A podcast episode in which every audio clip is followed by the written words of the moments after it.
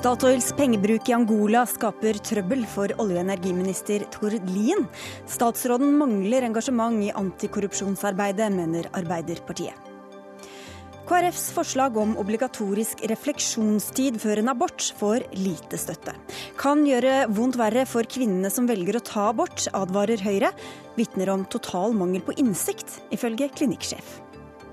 Generalløytnant Robert Mood hylles for sin frittalenhet, nå sist av Fritt Ord.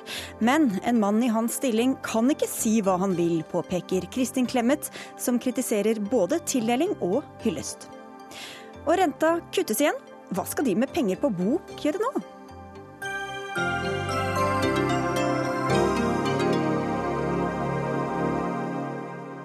Og det skal vi få svar på her i Dagsnytt 18 på NRK P2 og NRK2. Mitt navn er Sigrid Solund. Statoils pengebruk i Angola skaper altså bråk for eh, olje- og energiminister Tord Lien, skriver Klassekampen og Dagbladet. For Statoil har betalt 715 millioner kroner til det angolske oljeselskapet Sonangol til såkalte sosiale formål i forbindelse med en kontrakt om fem oljeblokker i Angola. Det statlige eide selskapet vet ikke hva pengene er brukt til, og Stortingets kontroll- og konstitusjonskomité har bedt Tore Lien om eh, å få vite mer. Og nå er svarbrevet fra Lien kommet, og da sier du at statsråden viser manglende engasjement i antikorrupsjonsarbeidet. Jette Christensen, du sitter i nevnte komité for Arbeiderpartiet. Hva får deg til å si det? To ting. Det ene er at vi mangler 715 millioner kroner.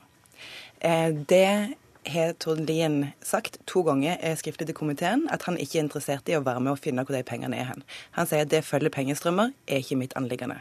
Da spør komiteen på hvilken annen måte vil ministeren følge opp Stortingets og regjeringens klare politikk på at vi har null toleranse for korrupsjon, hvis han ikke skal lete etter, etter alle de pengene som er vekke. Det er det ene tingen som vi har fått vite. Um, i korrespondanse med Tord Lien. Det andre er at han ikke vil bidra til å finne grunnlaget for hvorfor utbetalingene til et luftslott i et av verdens mest korrupte land fortsatte. Statoil var bekymra.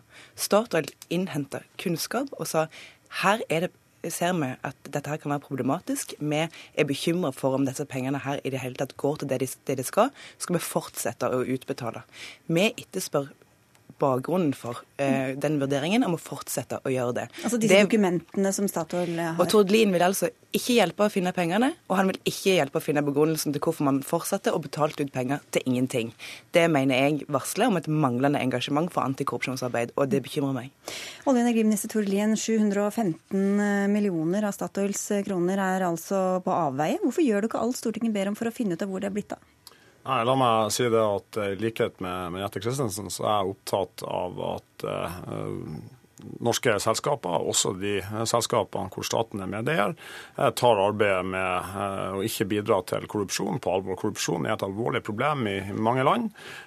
Det, og Derfor er det også straffbart etter norsk lov og etter internasjonal lov. Og selvfølgelig er vi opptatt av at også Statoil følger opp ja, så hvorfor, hvorfor vil du ikke gi Stortinget det Stortinget ber om, da? Nå har jeg i tre forskjellige brev redegjort både generelt for hvordan vi fra myndighetenes side følger opp antikorrupsjonsarbeidet, hvordan eh, vi følger opp dette konkret overfor Statoil, eh, og eh, i stor grad også hvordan Statoil sitt eget antikorrupsjonsarbeid gjennomføres og følges opp av, av norske myndigheter.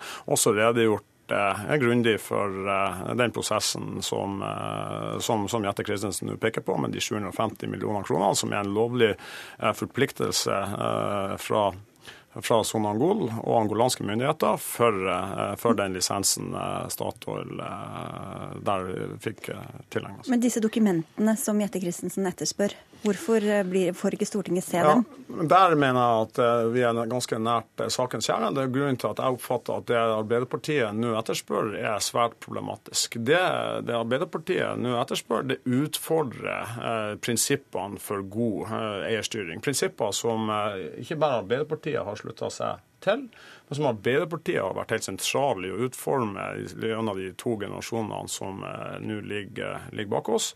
Og Det er prinsipper som tjener hele det norske folk eh, svært godt. Staten er en stor eier. Og det at, eh, at markedene har tillit til at staten er i stand til å styre disse selskapene basert på gode prinsipper, det er svært verdifullt for det norske folk. Det Jette Christensen i realiteten ber meg om å gjøre, det vil være et, et klart brudd på eh, god eierstyring. Og det, du ser at Statoil er et statseid selskap. Statoil er et uh, allmennaksjeselskap notert i Oslo og i New York.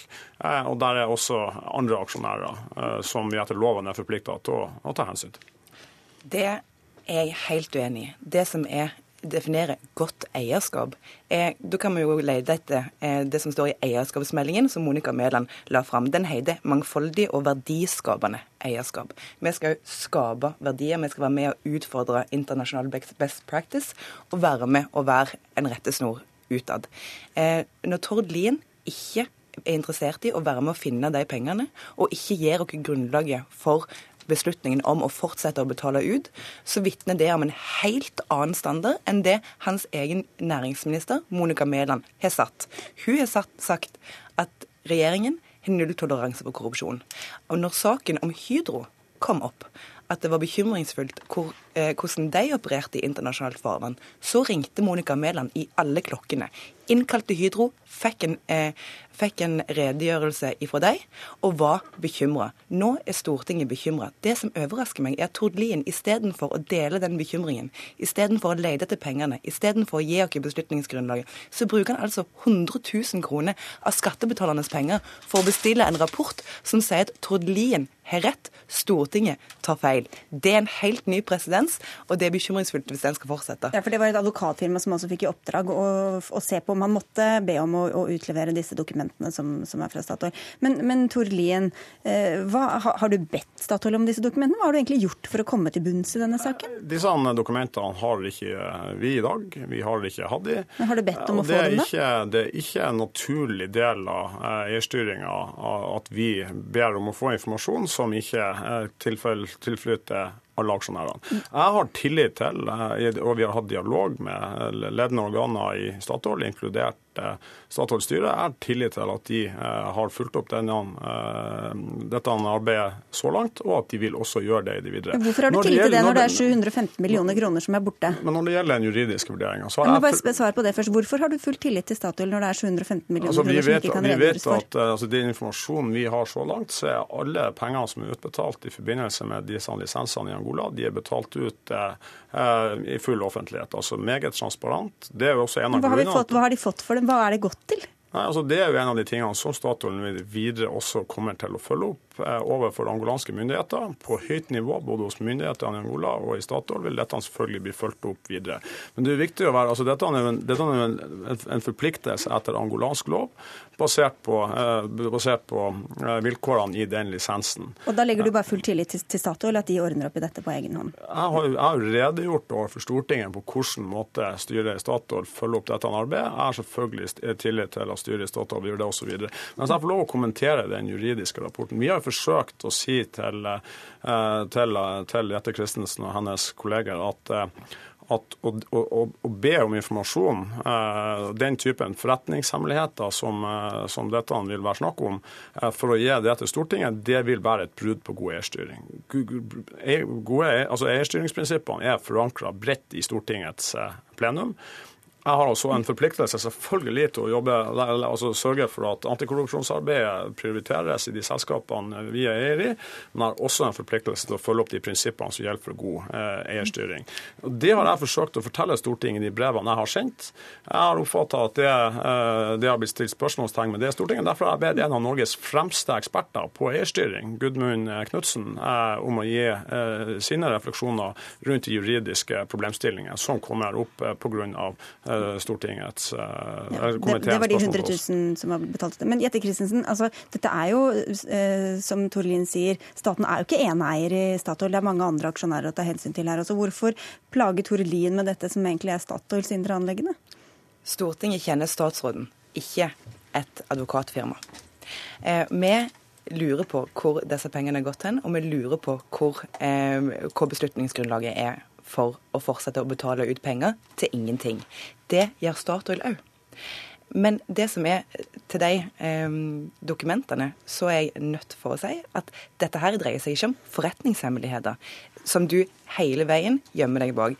Dette dreier seg om et grunnlag for å beslutte at det er helt innenfor å fortsette å betale ut penger til et luftslott i et av verdens mest korrupte land. Men Statoil er bekymra. Hvorfor deler ikke statsråden den bekymringen? Og ikke minst, nå er Statoil i dialog med angolanske eh, myndigheter. De har prøvd å få svar, de får det ikke. Hvorfor vil ikke ministeren hjelpe Statoil i det vanskelige arbeidet det er i møte med en så eh, korrupt stat som Angola, ja. og prøve å få det svaret? Vi er nødt til å svare helt kort på det til slutt. Ja, det, det, er en helt annen, helt annen problemstilling enn det vi har diskutert tidligere. Det vi har diskutert tidligere, er jo disse dokumentene som jeg mener at her har vi en del av de her eierstyringsprinsippene som er så viktige for så store verdier, er nettopp rollefordelinga. Styret har ansvar, og som jeg er glad for at Jette Christensen nå sier at styret eh, i Statoil følger opp dette. Vi er nødt til å takke dere der. Svarer ikke på spørsmålet. Ikke denne gangen heller. Takk skal dere ha, i hvert fall Jette Christensen og Tord Lien. Takk.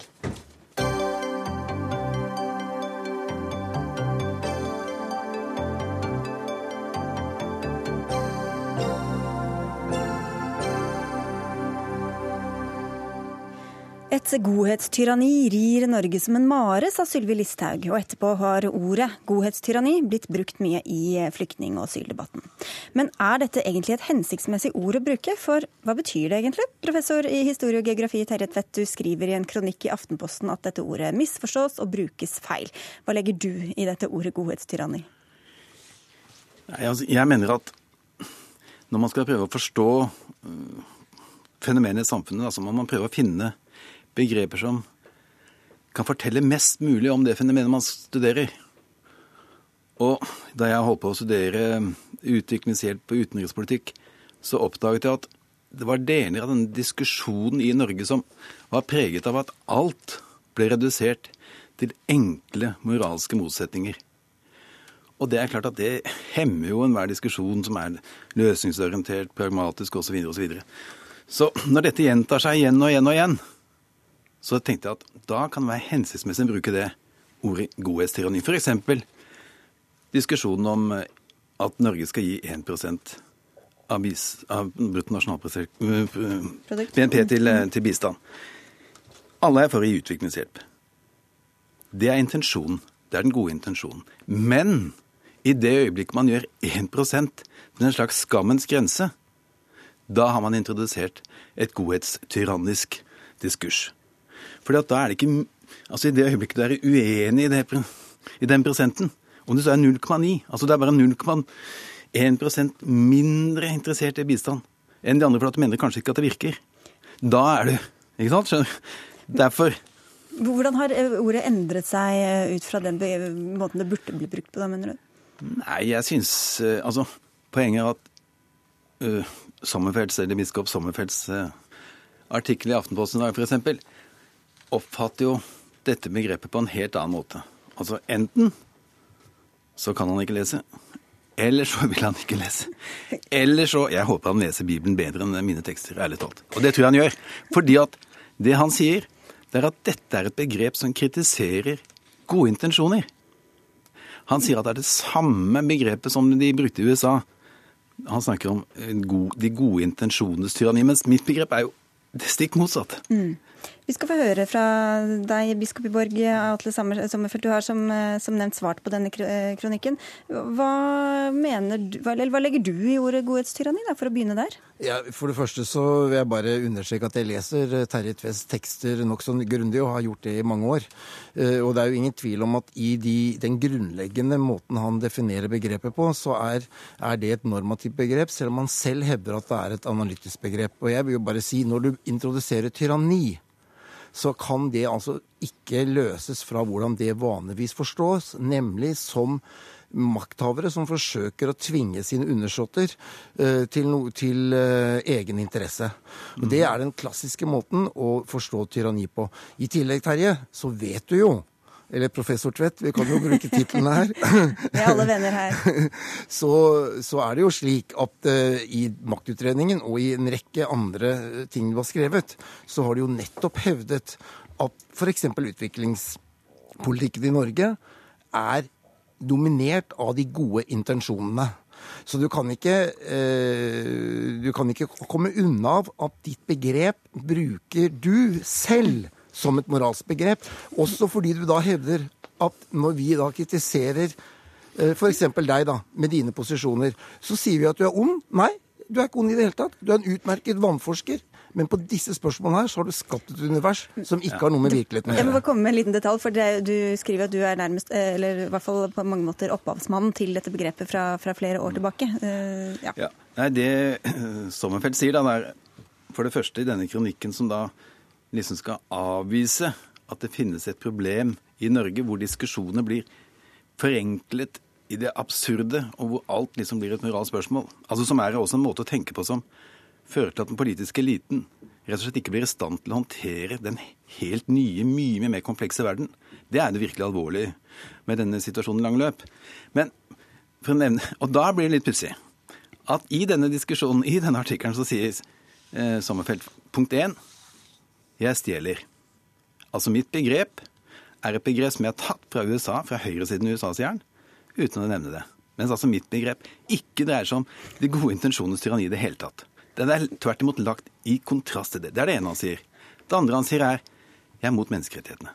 Ja vel? Hvor kommer det fra? henne? Det tredje han sier er at jeg rett og slett gir blaffen i flyktningene, står det i denne kronikken. Fordi at de faller ikke inn, eller forpliktelsene overfor dem, så å si faller utenfor min horisont. Og for det fjerde sier han at det punkter Ja, men altså, det er ganske interessant, for at det står i den samme kronikken, hvor han sier at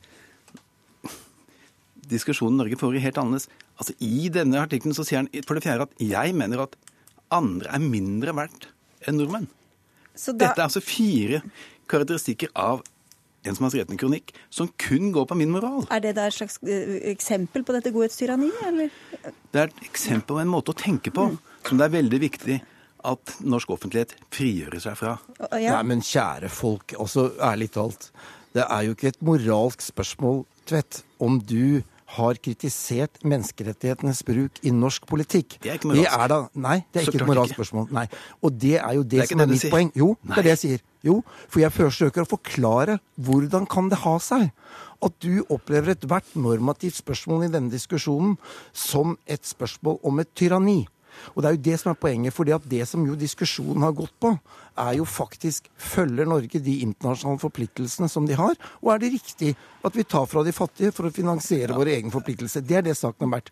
Og det er faktisk ikke kritikerne av regjeringen som har innført det moralistiske begrepet godhetstyranni. Det er det, var det faktisk kom fra statsråden. Og jeg vil også understreke, statsråden har jo annerledes enn Tvedt ikke tatt dette som et personlig og moralistisk begrep.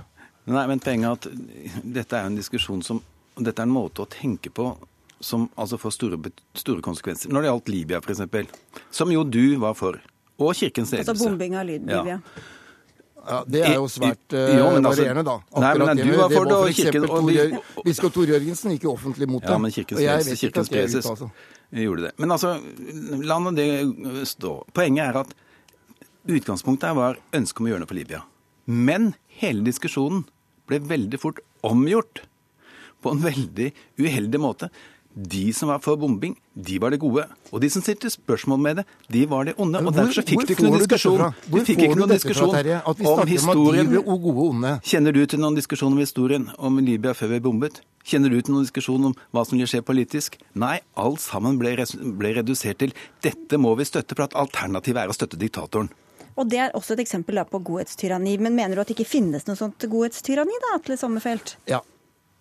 Jeg mener at det er et veldig lite hensiktsmessig begrep, og det bidrar til å skape en moralistisk debatt som jo Terje Tvedt ønsker at vi ikke skal. Det som dette handler om, er jo hvorvidt altså Når det gjelder bombingen i Libya, så er det en stor diskusjon, og jeg ser at det du har eh, påpekt der, kan være av interesse og viktig å ta. Men hovedpoenget her er jo spørsmålet er det slik at Norge har en forpliktelse overfor internasjonale konvensjoner som er menneskerettighetene. Og ja, Det er interessant at du sier, for så tydelig har du ikke sagt det tidligere. Alltid ment det.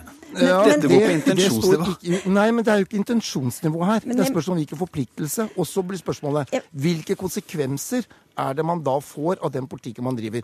Og jeg må jo bare si det, det er da faktisk ikke bare i Norge at diskusjonen om hvordan vi skal håndtere mennesker som søker beskyttelse i landet vårt, går. Nei, men går hør, men. Europa, Men, går i alle men, men hør her nå, Sommerfelt.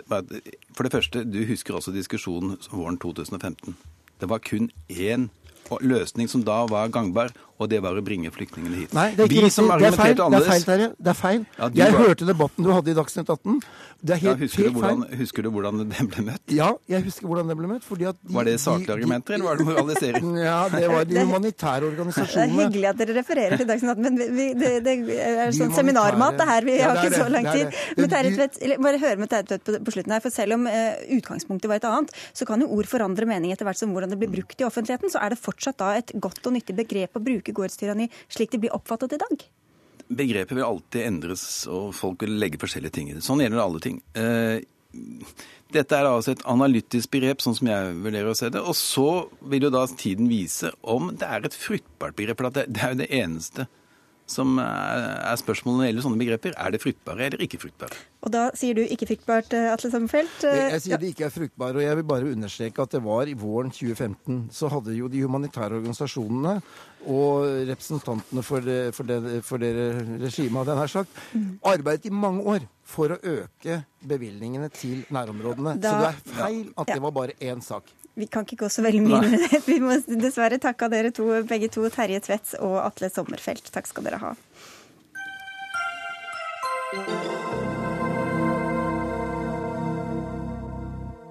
Kvinner som ønsker å ta abort, må først gjennom en obligatorisk refleksjonstid før aborten kan gjennomføres, foreslår Kristelig Folkepartis programkomité. Og møter ganske massiv motstand.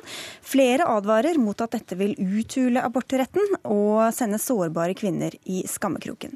Typisk kritikk fra venstresida, sa lederen av programkomiteen Dagrun Eriksen til Politisk kvarter på P2 i dag morges. Men det er vel ikke bare jubel på høyresida heller, eller hva, Torbjørn Røe Isaksen. Du er eh, til daglig kunnskapsminister, men du er også leder for Høyres programkomité. Nei, jeg, jeg mener at dette ikke er et godt forslag. Men eh, jeg syns jo også at, at Dagrun Eriksen har et poeng med måten debatten føres på. Men det får nå være, får nå ja, det får være en annen debatt. Vi kan ta tak i tror- forslaget. Ja, for det, for det Altså, Abort er vanskelig, og det må være utgangspunktet. Eh, Og dagens abortlov er ikke, selv om det av og til kan høres sånn ut på noen, eh, så er ikke den basert på at abort er et enkelt valg, eller at, eh, at alle som tar abort syns det er etisk uproblematisk, men det er basert på et veldig enkel, enkel grunnforutsetning, nemlig at det valget i siste instans er det kvinnen selv som må ta. Og jeg tror, og det vet vi også, at de aller fleste kvinner som tar abort, tenker mye på det. De syns det er vanskelig. De rådfører seg med de som de selv er mest komfortable med. Sine nærmeste, sin partner hvis de har det, eh, andre i familien. Eh, Og en sånn refleksjonsperiode vil ikke gjøre noe annet enn å i verste fall gjøre et vanskelig valg verre. Og det vil sannsynligvis heller ikke bidra til å få ned aborttallene. Dagrun Eriksen, eh, kan du forstå at eh, en sånn eh, forslag om obligatorisk refleksjonstid kan oppfattes som et signal over at dere mener at folk ikke reflekterer godt nok over dette? Altså da, dette er jo bare halve forslaget. Dette handler jo også om, som jeg prøvde å formidle i dag morges, at det handler også om den obligatoriske veiledningen som vi mener. Det er den som har vært hovedgrunnen til at vi ønsker å Og som har endt også opp med refleksjonstida. Fordi vi mener at den informasjonen som gis i forbindelse med den samtalen man har med helsepersonell, blir ofte mangelfull. Og hvordan skal vi klare å kvalitetssikre at det blir en som gir et så godt informert valg som mulig? Eh, veldig mange melder om at de får mye tilbakemelding på de fysiske reaksjonene eh, underveis, og hva som medisinsk skal skje, men de får lite om hva som skjer både i framtida, at det er en høyere risiko for psykiske ting. Og og også tilbud om hva slags ordninger finnes, hva er av fremtid og hva er ikke. Men Kan man ikke bare bedre den informasjonsbiten uten å si at nå må du gå hjem og tenke på dette, og så komme tilbake i morgen og si meg du så har vi sett det at andre land da, som gjør det, og har en, en bedre, f.eks. Tyskland som har en obligatorisk rådgivning, eh, som, som, og hvor de da har klart å kvalitetssikre det, også har en da en ref, Hvordan skal du ta inn over deg det du har fått med deg? Hvordan skal du vurdere det, og så komme tilbake? Hvis du har et helt avklart avklart forhold til dette, så vil det jo bare være du får den samtalen, du går hjem og du kommer tilbake. For mange vil det ikke bli noen endring, for i dag så er det veldig sjeldent at du har det første møtet med fastlegen din og at inngrepet skjer samtidig. Eh, det er i tilfelle hvis man går direkte til sykehuset at det kan skje. Så det vil ikke være en reell endring, men vi ser at i Tyskland så har de det, i Nederland så har de fem dager. Vi har foreslått kanskje forsiktig én til to dager. At vi skal ha respekt for, for lovens grenser og ikke vippe folk over på det. Men det viktigste for oss i dette forslaget er at man får god veiledning og god informasjon, eh, så man vet hva man går til. Og det er vel greit, Jo, Røe det, det er viktig at det er god informasjon også, eh, også om f.eks. hva som vil skje hvis man, hvis man ønsker å bære fram et barn med sykdommer, eller hvis man er student f.eks. når man blir gravid. Men jeg tror det er veldig viktig at vi ikke blander inn den informasjonen i selve det valget man skal ta når man sitter i samtale med helsepersonalet. Eh, Og da er jo den klare, klare beskjeden til all, altså Lovgivningen er jo sånn at helsepersonalet skal jo ikke rådgi den enkelte til å ta eller ikke ta abort. Eh, De skal gi rene helsefaglige råd. Og jeg tror at det er en, eh, altså I praksis så er det jo sånn at eh, det, det skjer vel omtrent ikke at eh, man kan dukke opp i Norge og så få en abort et par timer etterpå. Og uansett så vil jo den enkelte kvinne ha reflektert over dette. Sannsynligvis snakket også med mange andre om det, eller ikke mange andre, men sine nærmeste om det. Så denne refleksjonsperioden blir jo i beste fall så blir det symbolpolitikk. I verste fall så kan det jo gjøre en veldig vanskelig situasjon enda vanskeligere. Vi skal få høre litt om hvordan det faktisk er, for vi har klinikksjefen ved kvinneklinikken på Ullevål sykehus her, Bjørn Busund. Du sier også at KrFs forslag vitner om mangel på innsikt. Har dere inntrykk av at mange er forvirret eller forhaster seg når det gjelder avgjørelsen om å ta abort? Jeg har jo en viss eh, erfaring med abortsøkende kvinner. Vi har ca. 3000 eh, kvinner hvert år som eh, kommer til Oslo universitetssykehus eh, med ønske om å få utført en abort. Og eh, vi vet at for det første så er det sånn at det, det er eh, som regel mellom to uker og to dager fra de henvender seg til oss og får den første informasjonen, til eh, inngrepet blir utført. Videre så møter de eh, hos oss eh, en lege som undersøker og gjør de, de undersøkelser som skal til, og gir informasjon. Og alle uten unntak får et tilbud om samtale med en sosionom som til daglig eh, steller med rådgivning og veiledning og oppfølging av abortsøkende kvinner. Hva slags informasjon kan de få der, da? Der kan de få all informasjon om eh, støtteordninger, og, og dessuten så er denne sosionomen en, en eh, hva skal jeg si, en eh, partner i å tenke og, og sortere tankene sine, fordi det er de trent til. Så, og, og så er det sånn at de aller fleste har et veldig reflektert syn på dette på forhånd, men det fins noen som kommer og som er i tvil. Og det er vår oppgave å, eh, å identifisere dem og, og gi dem den tiden de trenger. Og det gjør vi. Da får de råd inn. Vi får råd om å, øh, å, å gå hjem og tenke på det. Som regel er det tid til det. Og, og det, det er ingen som rusher inn i dette her. Vi, vi har som oppgave å passe på at dette er eh, et veldig gjennomtenkt valg.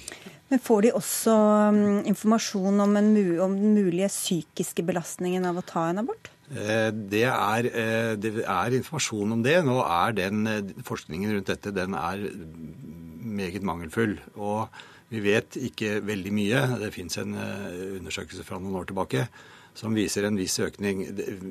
Mitt inntrykk, vi har altså 3000 hvert år som gjennomgår dette her, eh, er at det er eh, veldig eh, begrenset hvilke Altså man, man skal være veldig forsiktig med å overdramatisere problemer rundt psykiske vansker etterpå. For det høres jo ikke ut som dette er veldig sånn forhasta ting som skjer, da, Dagrun Eriksen, i dag? Det er jo kjempeflott altså, hvordan Kvinneklinikken utfører dette. Vi får nok de historiene som ikke eh, forteller denne delen av det. Eh, Hvor man opplever at man har fått manglende informasjon, at man har eh, bare fått den ene delen av dette. eh, At det underkommuniseres. Jeg er veldig enig i at vi skal ikke overdramatisere. og Det er veldig mange som ikke får senvirkninger. Men det å få rede på at det er en risiko for dette, det å få et godt og informativt valg, det tenker jeg er viktig. Og det har vi ingen kvalitetssikring på. Jeg er sikker på at klinikksjefen har gjort jobben med sine folk, det er veldig bra. Men det finnes også veldig mange andre som møter disse kvinnene. Vi har ingen kvalitetssikring av det. Og så snakker også klinikksjefen om noen viktige ting. Vi kan for lite om dette. Og selv det er jo litt tabu i eh, Norge, det å spørre om vi kan få mer forskning. Ja, Om eventuelle senvirkninger. Nei, ikke om senvirkninger, men all, hele situasjonen rundt abort. Selv det blir for vanskelig i norsk politikk å diskutere. Men jeg bare lurer på, til dette med eventuelle senvirkninger, altså psykiske belastningen, kan dere legge sten til byrden for de som har tatt en abort, ved å problematisere det på denne måten som dere gjør nå? Og, og, og liksom si å gjøre det mer skambelagt enn det ellers ville vært? Altså, det er jo det jeg syns er veldig vanskelig med disse debattene, som ofte blir veldig harde og veldig polariserte. fordi, og Derfor er jeg veldig nøye med å si at det er folk som både er reflektert, har gått inn, går inn, tar aborten og ikke får det. Men det er også de, det vi vet, det vi har forskning på dette, kan vise at det er en økt risiko. Det er noe annet enn å si at dette blir. For det er viktig at man, Men det å være forberedt på det gjør det jo også styrka i møte med det som møter deg i framtida. Og det er den informasjonen som vi først og fremst er ute etter å kvalitetssikre. Og da mener vi også at det er sånn refleksjonstid, som ikke er en rar ting eller tilbake til forrige år. Jeg har hørt mye rare ting, diskusjoner om denne saken i disse dagene. Men det er, sånn har man det i Tyskland, man har det i Nederland. Okay, det har du sagt. Du skal, du skal få slippe det røykset, som vi bare hører fra bussen først. Ja, jeg sier, vi har hatt en abortlov i, som i snart 40 år har tjent oss veldig godt. Det er stor oppslutning i befolkningen. Den er eh, håndterbar for helsevesenet, og den er et gode for norske kvinner. Og hver gang vi begynner å klusse med abortloven, så får vi en opprivende, polarisert debatt som ikke bringer oss noe sted videre. Det er sikkert mange som kan tenke seg små nyanser i endringer i abortloven. Jeg kunne også det, men jeg tenker at vi skal ikke klusse med en lov som har tjent oss så godt gjennom så mange år, og som står så sterkt i befolkningen. Jeg, jeg, jeg, er enig i at, at, at, retten til selvbestemt abort står som, en, står som en påle. Men jeg mener også at det er viktig at vi også diskuterer abort. Eh, og det er nettopp fordi at dagens abortlov sier ikke at abort er enkelt.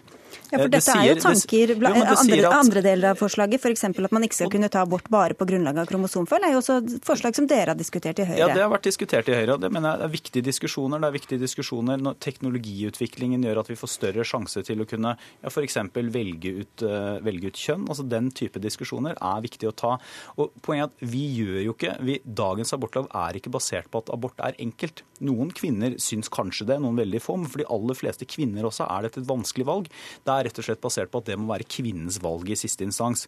Men det betyr ikke at enhver abortdiskusjon er umoralsk, gammeldags eller noe sånt. Selv om jeg er sterkt uenig med KrF sitt forslag her, så mener jeg at den diskusjonen som man burde ha, eh, er jo også om hvordan man skal få aborttallene ned, som alle partier er enig i. Vi følte det var ganske reflektert det vi hadde her, da. jeg må bare si det. Men bare helt på tamp, Torbjørn Røe Isaksen, for uh, din partileder og statsminister Erna Solberg sa i går at hun ikke ville ta stilling før hun hadde konsultert partiet. I dag sier hun at hun er imot. Hva har dere sagt? før Konsultert. Dere... Nei, jeg så, jeg så, Erna Solberg sendte ut en presisering i dag hvor hun sier at hun har lest forslaget, og det sto det jo i artikkelen i avisen i dag tidlig at hun ikke hadde gjort. Eh, så dette, dette, Vi har en åpen programprosess, men dette er ikke noe som kommer til å bli Høyres politikk. Det er det ikke. Vi får se om det blir KrF-politikk. Takk skal dere ha i hvert fall alle tre. Dagrun Eriksen, Torbjørn Isaksen og deg fra Kvinneklinikken på Ullevål, Bjørn Busen.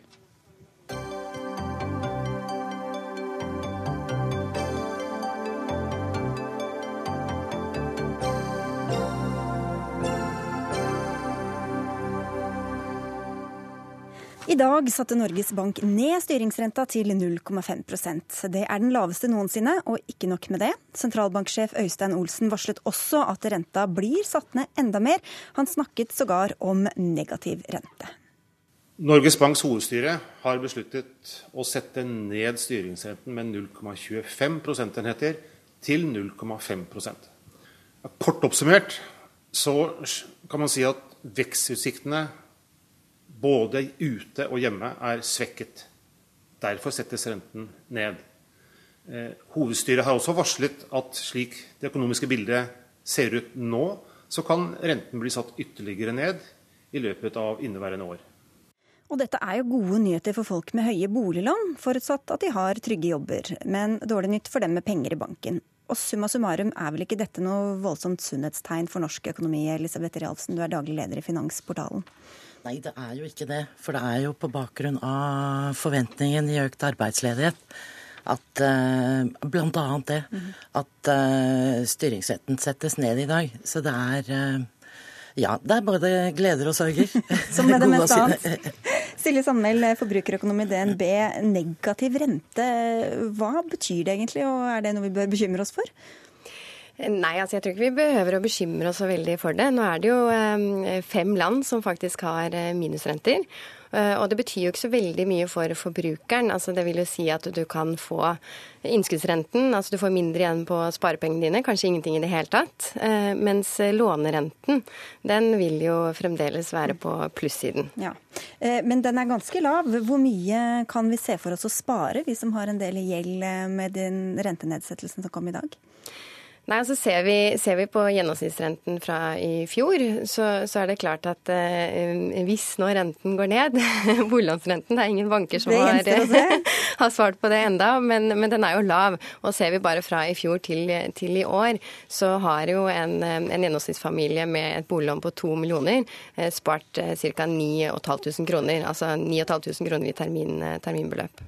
Og da kan det hende at noen får penger til overs. Eh, andre igjen er jo helt uten lån, men med formuer og nå har det vært lave renter så lenge at man i praksis taper penger på å ha penger eh, i banken, selv på høyrentekonto. Hvordan henger dette sammen? Altså, Jeg har lyst til å nyansere det bildet, fordi det skapes ofte et inntrykk av at alle bankers innskuddsrenter er like lave. Eh, det, er jo i dag fullt mulig å oppnå 2% innskuddsrente i dagens marked. Men man må gjerne eh, se bort fra de større konsernene, for, for, for de profilerer seg på lave utlånsrenter igjen. Så den smarte forbrukeren tar jo innskuddene sine og går til, til de som har høye innskuddsrenter. Så, så å sette penger i banken på høyrentekonto er fortsatt å anbefale?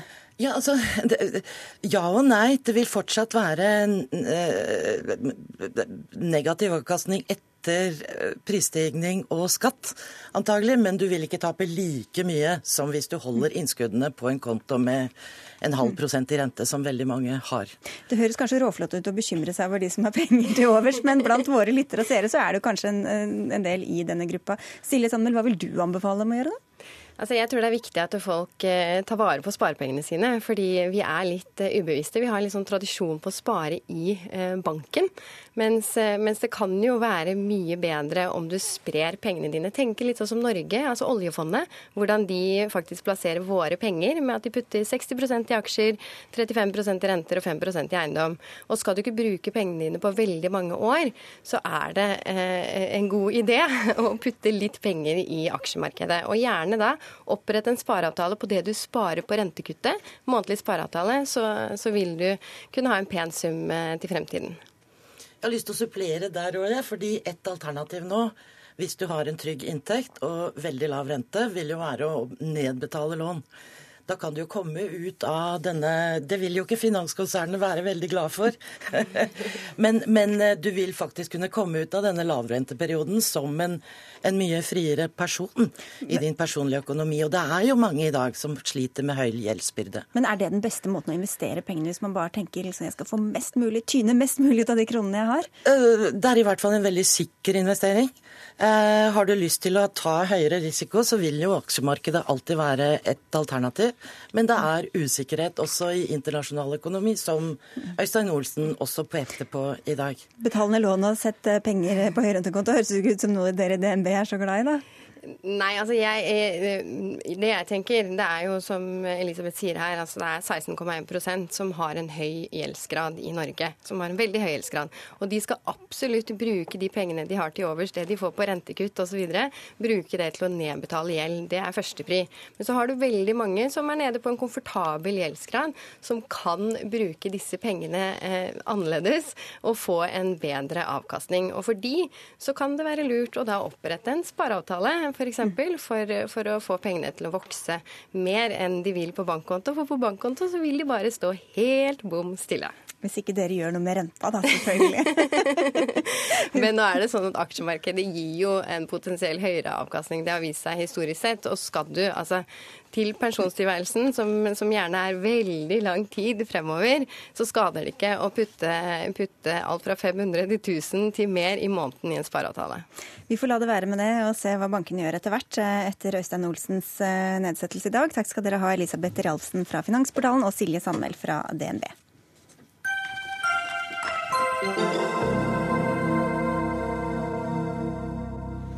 Mange applauderte da Robert Mood, generalløytnant og sjef for Forsvarets militære delegasjon ved Nato-hovedkvarteret i Brussel, fikk Fritt Ords pris denne uka.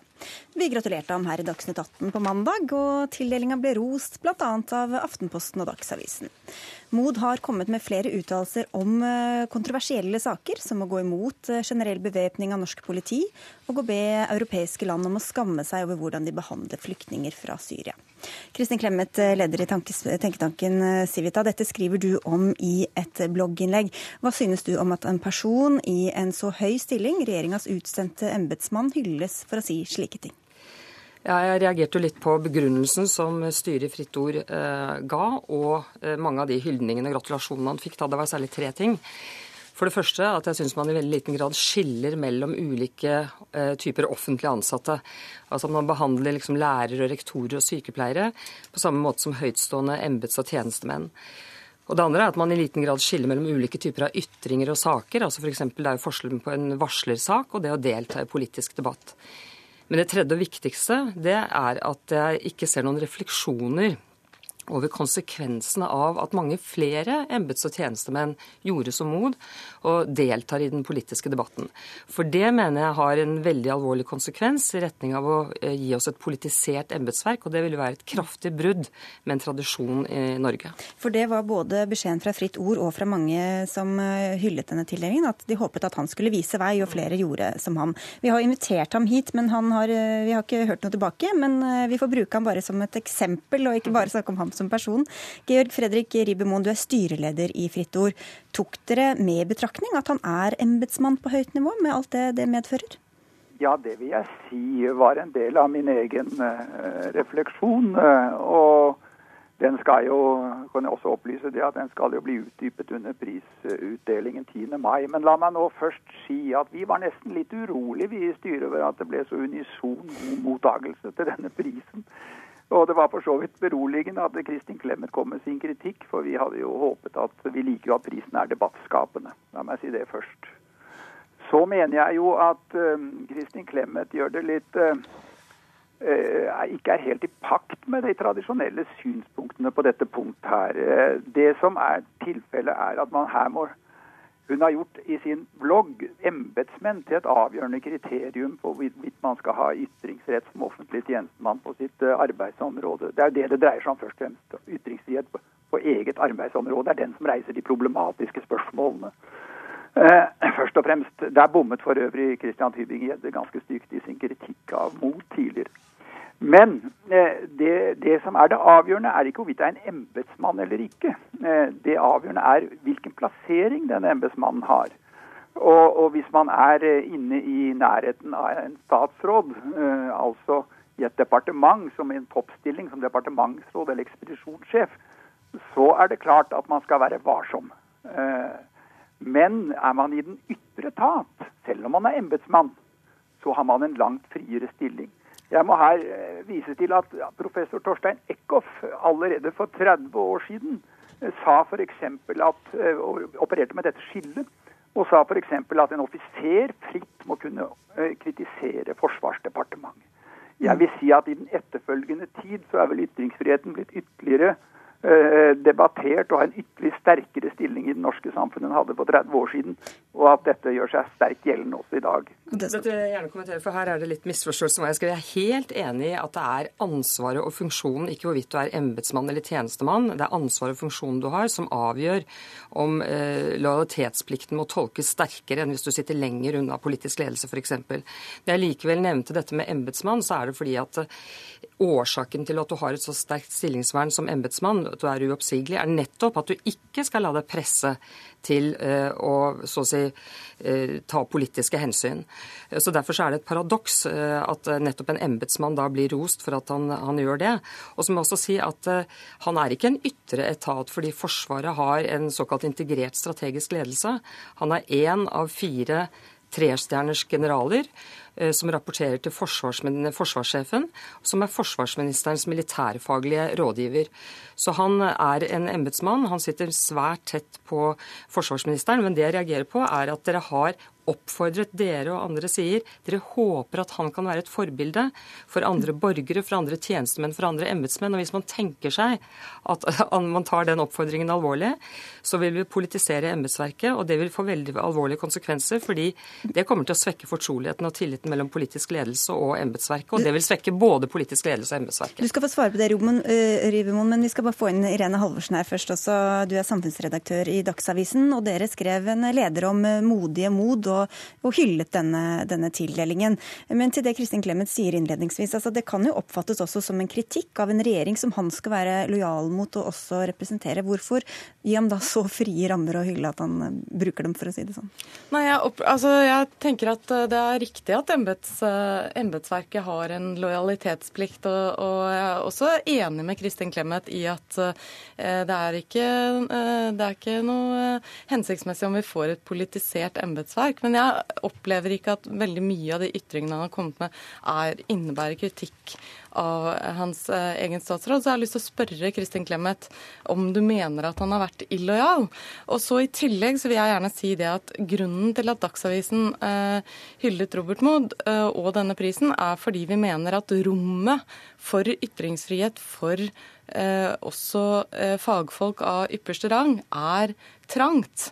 Eh, og, tror, og, vi tror at den offentlige samtale rett og slett har godt av at uh, også uh, fagfolk er med i det ordskiftet. Og hvis debatten bare skal gå mellom de som er betalt for å debattere, altså opposisjon og regjeringspartier, så tror vi at den offentlige samtalen blir veldig dårlig. Du sier at hun blir for prinsipiell, rett og slett. Bare utdype det, Halvorsen. Ja, jeg opplever at hun blir så prinsipiell at hun ikke ser verdien av at flere enn bare de betalte politikerne og tankesmiene deltar i offentlig samtale. Nei, altså For det første så jeg mener diskutere hvorvidt uh, Moods uttalelse ligger innenfor eller utenfor, det er jo et skjønnsspørsmål. Jeg mener at de er problematiske, men det er ikke det, det jeg kritiserer egentlig så mye. Det jeg kritiserer, er at Dagsavisen på slutten av sine lederartikler håper at mange flere embets- og tjenestemenn vil gjøre som han. Og det er det jeg sier, den, den manglende refleksjonen over det vil føre til. Jeg er jo veldig tilhenger av at embets- og tjenestemenn skal delta i det offentlige ordskiftet. Da jeg sist var statsråd, så oppfordret jeg departementet til det. Men min erfaring er at embets- og tjenestemenn har et svært velutviklet og godt skjønn for å kunne delta i den offentlige samtale uten å bli politiske eller partipolitiske. Men dessverre på mange av de arenaene hvor de debatterer, konferanser, tidsskrifter osv., så, videre, så er faktisk pressen litt lite til stede. Jo, men hvis de da følger denne oppfordringen fra Dagsavisen, men med de eh, betingelsene som du nevner, da, da bærer det vel ikke så galt av sted? Jo, men her har man jo på en måte hyllet en som deltar i den eh, politiske debatten. Eh, og deltar i, i debatter om flyktningesaken, om bevæpning av politiet osv., som er veldig sensitive politiske saker. Det, det, man kan frykte dersom man får mange sånne embets- og tjenestemenn som deltar i debatten på den måten, det er at vi først svekker tilliten, som jeg sa i sted, og troverdigheten mellom politisk ledelse og embetsverket. Men så tror jeg vi risikerer at man får en form for skjult politisk rekruttering at man eh, legger vekt på politiske meninger når man rekrutterer til embetsverket, og, og, det vil være veldig skadelig. Til slutt kan vi få krav om at vi skal skifte ut embetsverket med regjeringene. Jeg bare ta inn Ribmoen også, for Dere kommer også med den samme oppfordringa. Du, du, frykter ikke akkurat at dette kommer til å bre om seg? Det, sier noe, vi sier noe sånt som at vi håper det virker inspirerende, og det mener jeg da. Jeg tror, nå med alle disse spøkelser eh, som nær sagt ved høylys dag eh, Kristin Clemet nå nevner, så tror jeg vi kan ta det litt mer med ro, altså. Jeg syns det er en overdrivelse. Og fordi Man må jo ta utgangspunkt i hvilken verdi har dette? Dette er jo ytringsfrihet for de som ofte kan sakene best, og som kan belyse og bidra til en informativ og informert debatt. Og det de er jo i virkeligheten en del av den demokratiske kontroll med de som er nødt til å utøve makt på vegne av fellesskapet i dette samfunnet.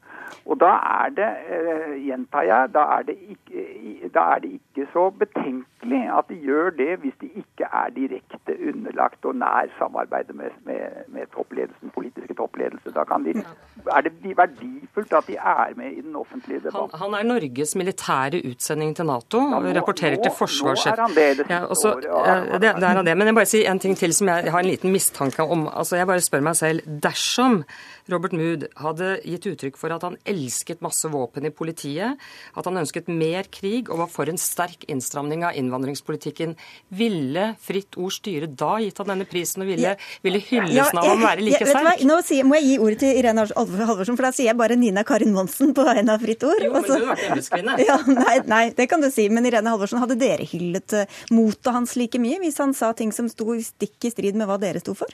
Nei, jeg, altså Dagsavisen har jo, en politisk, har jo ulike politiske syn enn mange av Fritt Ords vinnere, og det har ikke vi lagt noe skjul på. Men det, som er av, det jeg er opptatt av her, er, er at eh, jeg mener at mange, mange offentlige ordskifter knyttet f.eks.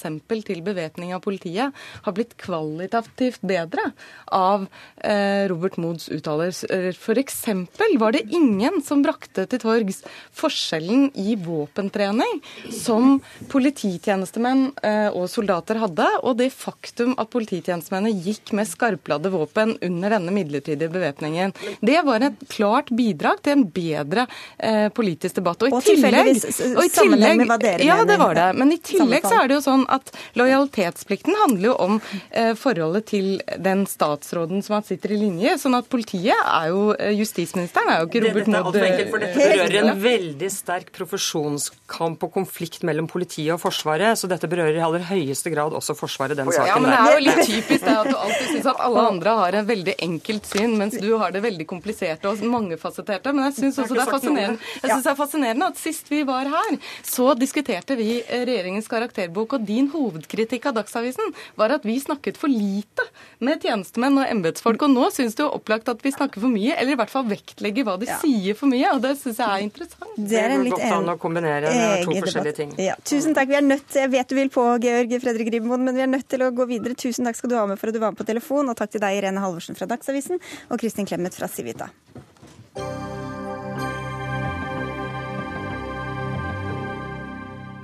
Bergen og Oslo ønsker å ta tilbake driften av sykehjem som er på private hender. Eldrebyråd i hovedstaden, Inga Marte Torkelsen, mener offentlig drift er mye bedre både for de eldre og for dem som jobber der. Og nå skal eh, Oslo kommune ta over driften av de kommersielt drevne sykehjemmene, men da må den bruke nesten 50 millioner mer på omsorg. Og da sier dere at de nye styrene i våre to største byer lar ideologi gå utover brukerne, Bård Hoksrud, du er stortingsrepresentant for Frp. Hvorfor er det så ille om kommunene tar tilbake omsorgen for de eldre der? Ja, det som er trist, er jo at de eh, sykehjemsplassene som man nå ønsker å legge ned, det er kanskje noen av de som er best drivende, eh, og hvor brukerne er kjempegodt fornøyde, pårørende er kjempegodt fornøyde. Og da er det trist at ideologien blir det viktigste. Og så må man til og med bruke mer penger. Det betyr at færre som trenger pleieplasser i Bergen og Oslo, kommer til å få det pga. denne ideologien til byråden. Men er det noe som sier at de kommer til å bli mindre fornøyd hvis de kommunale tar over, da? I hvert fall så er det sånn at eh, Sykefraværet er halvparten på eh, flere av disse sykehjemmene som nå er private.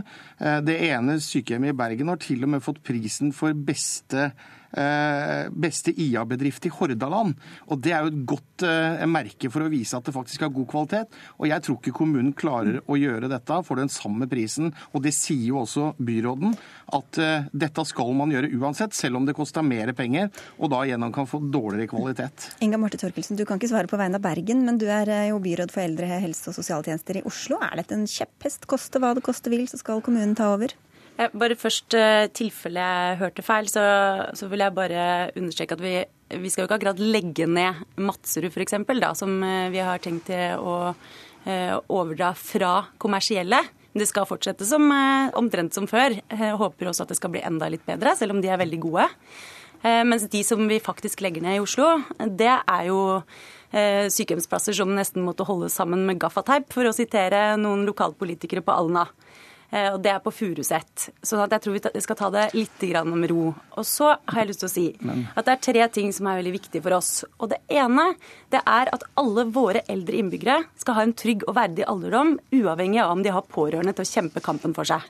Det andre er at vi skal ha åpenhet om forholdene ved sykehjemmene. Det skal ikke være noe ved våre sykehjem som skal kunne behandles som bedriftshemmeligheter, sånn som det har vært under borgerlig styre. Og det tredje er eh, at vi også skal behandle våre medarbeidere på en anstendig måte. Dette er kvinner som har valgt sine yrker på tross av lønn og pensjon, ikke pga. dem. Men vi ser at de kommersielle de går løs nettopp på deres lønns- og pensjonsrettigheter, noe som innebærer at vi får store lønnsforskjeller innenfor sykehjemmene. Ja, for Grunnen til at det ofte private drives billigere, er vel nettopp dette med lønn og pensjon til de ansatte. Bård Hoksrud. Er ikke det noe som bekymrer dere da? Ja, men eh, Når det gjelder lønn, så er det ofte sånn at man faktisk må betale mer i lønn for å få ansatte til å jobbe der. Så er det noe med pensjonsordningen, men da burde man jo være opptatt av å bedre pensjon for alle, eh, og ikke som Inga Marte Torkelsen sier nå. Og jeg må si det er ganske spesielt at byråden sier at det skal være omtrent like godt som før. Betyr det at det skal bli dårligere enn Eller før? bedre, betyr det sa jeg. sa, jeg sa vel heller eller- bedre. Vi har litt ambisjoner, skjønner du, Bård. ja, Det er veldig bra at dere har ambisjoner, men, eh, men det, er, altså, det koster over 50 millioner kroner mer. Det er 50 sykehjemsplasser som man kunne gitt til andre som trenger pleie i Oslo kommune. Jeg er overbevist om at det finnes flere som trenger sykehjemsplass i Oslo enn de som får det i dag. Og da kunne man brukt de pengene på det istedenfor bare for å organisere tilbake til kommunal drift. Hva er det de 50 millionene skal gå til, bare for å si det først? Vi vet, eh, vi vet ikke om det er nøyaktig 50 millioner, for det har vist seg at i de siste anbudsrundene som Oslo kommune kjørte, og vi kjenner Oslo litt bedre enn det du gjør, eh, Hoksrud, eh, så er det sånn at man har også forhandla opp prisen. Sånn at det hadde vært billigere hvis kommunen skulle drive sånn som kommunens budsjetter så ut Men- under Høyres styre. Men vi har planer om å få dette opp, dette budsjettet opp på sikt.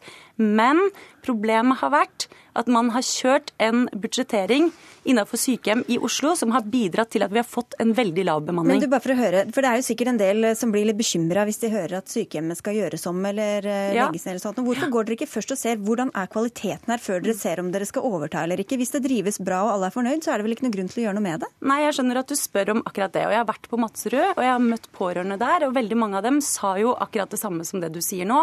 Og jeg brukte mye tid på dem på å forklare at vi kommer til å legge all, alle våre krefter og ressurser i at det skal bli minst like bra på Madserud som det det har vært. Det som er problemet, det er det som vi eh, så bl.a. fra Unicare nå i fjor.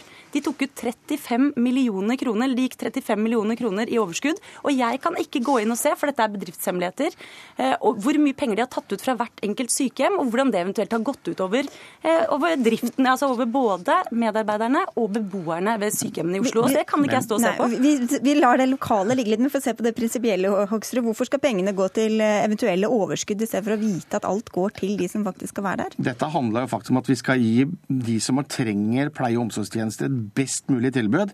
Og dessverre så har man også nå en byråd i Oslo som ikke er opptatt av det, og som er villig til å bruke så mye penger bare fordi at det skal stå eh, kommunen på, eh, på arbeidsantrekket. Men er det ikke også en måte å sørge for at de pengene går dit de skal, da? Til de ansatte og til de bruk, som bruker det? Jo, og det er jo det absolutt det som er det viktigste. Det er nettopp derfor vi mener at dette er tullete, det byråden holder på med nå. Fordi hvis man er opptatt av kvalitet, hvis man er opptatt av at de pasientene eller de som bor der skal ha et best mulig tilbud, ja så bør man jo sørge for at man fortsetter å ha de private som har halvparten av sykefraværet. Det er jo noe som virkelig kommunen bør strekke seg etter. Os kommune, som er en Frp-styrt kommune, de har altså, altså de har gjort det tilbake til kommunen, men de har hatt konkurranseutsetting hvor kommunen og de private har fått lov å konkurrere. Men det Inga Marte Torkelsen skal gjøre, hun skal bare ta det tilbake til kommunen. Og så vet ikke de som bor der om de får et bedre eller dårligere tilbud. Sannsynligvis får de et dårligere tilbud fordi man ser at de private driver mye mer effektivt og rasjonelt Vi skal gjøre en skikkelig kommunale. grundig undersøkelse av hva det er ved sykehjemmene, eh, helt annerledes enn disse standardiserte brukerundersøkelsene som egentlig ikke forteller oss så veldig mye. Hva er det som fungerer, og hva er det som må forbedres? Det skal vi gjøre et grundig arbeid med framover. Eh, Men det er også sånn at mange Frp-styrte kommuner rundt om i landet har gått bort fra konkurranseutsetting og privatisering. Så de må jo også være da ideologisk styrt, som du sier. Og så er det én ting som jeg er veldig opptatt av helt til slutt. Det er at eh, når sykehjem eh, er kommersielle, og da har NHO Service som sitt tariffområde, så får de som har fagbrev 257 000 kroner i året i lønn. Og de har bare fire års ansiennitetsstige. Mens i kommunen får de 336 000. Det er ikke til å bli feit av det heller. Men jeg syns det har nettopp vært 8. mars. Vi snakker om likelønnsproblematikken. Vi må ta et ansvar. Du, veldig snart avslutter avslutte, Hoksrud. Ti sekunder på slutten.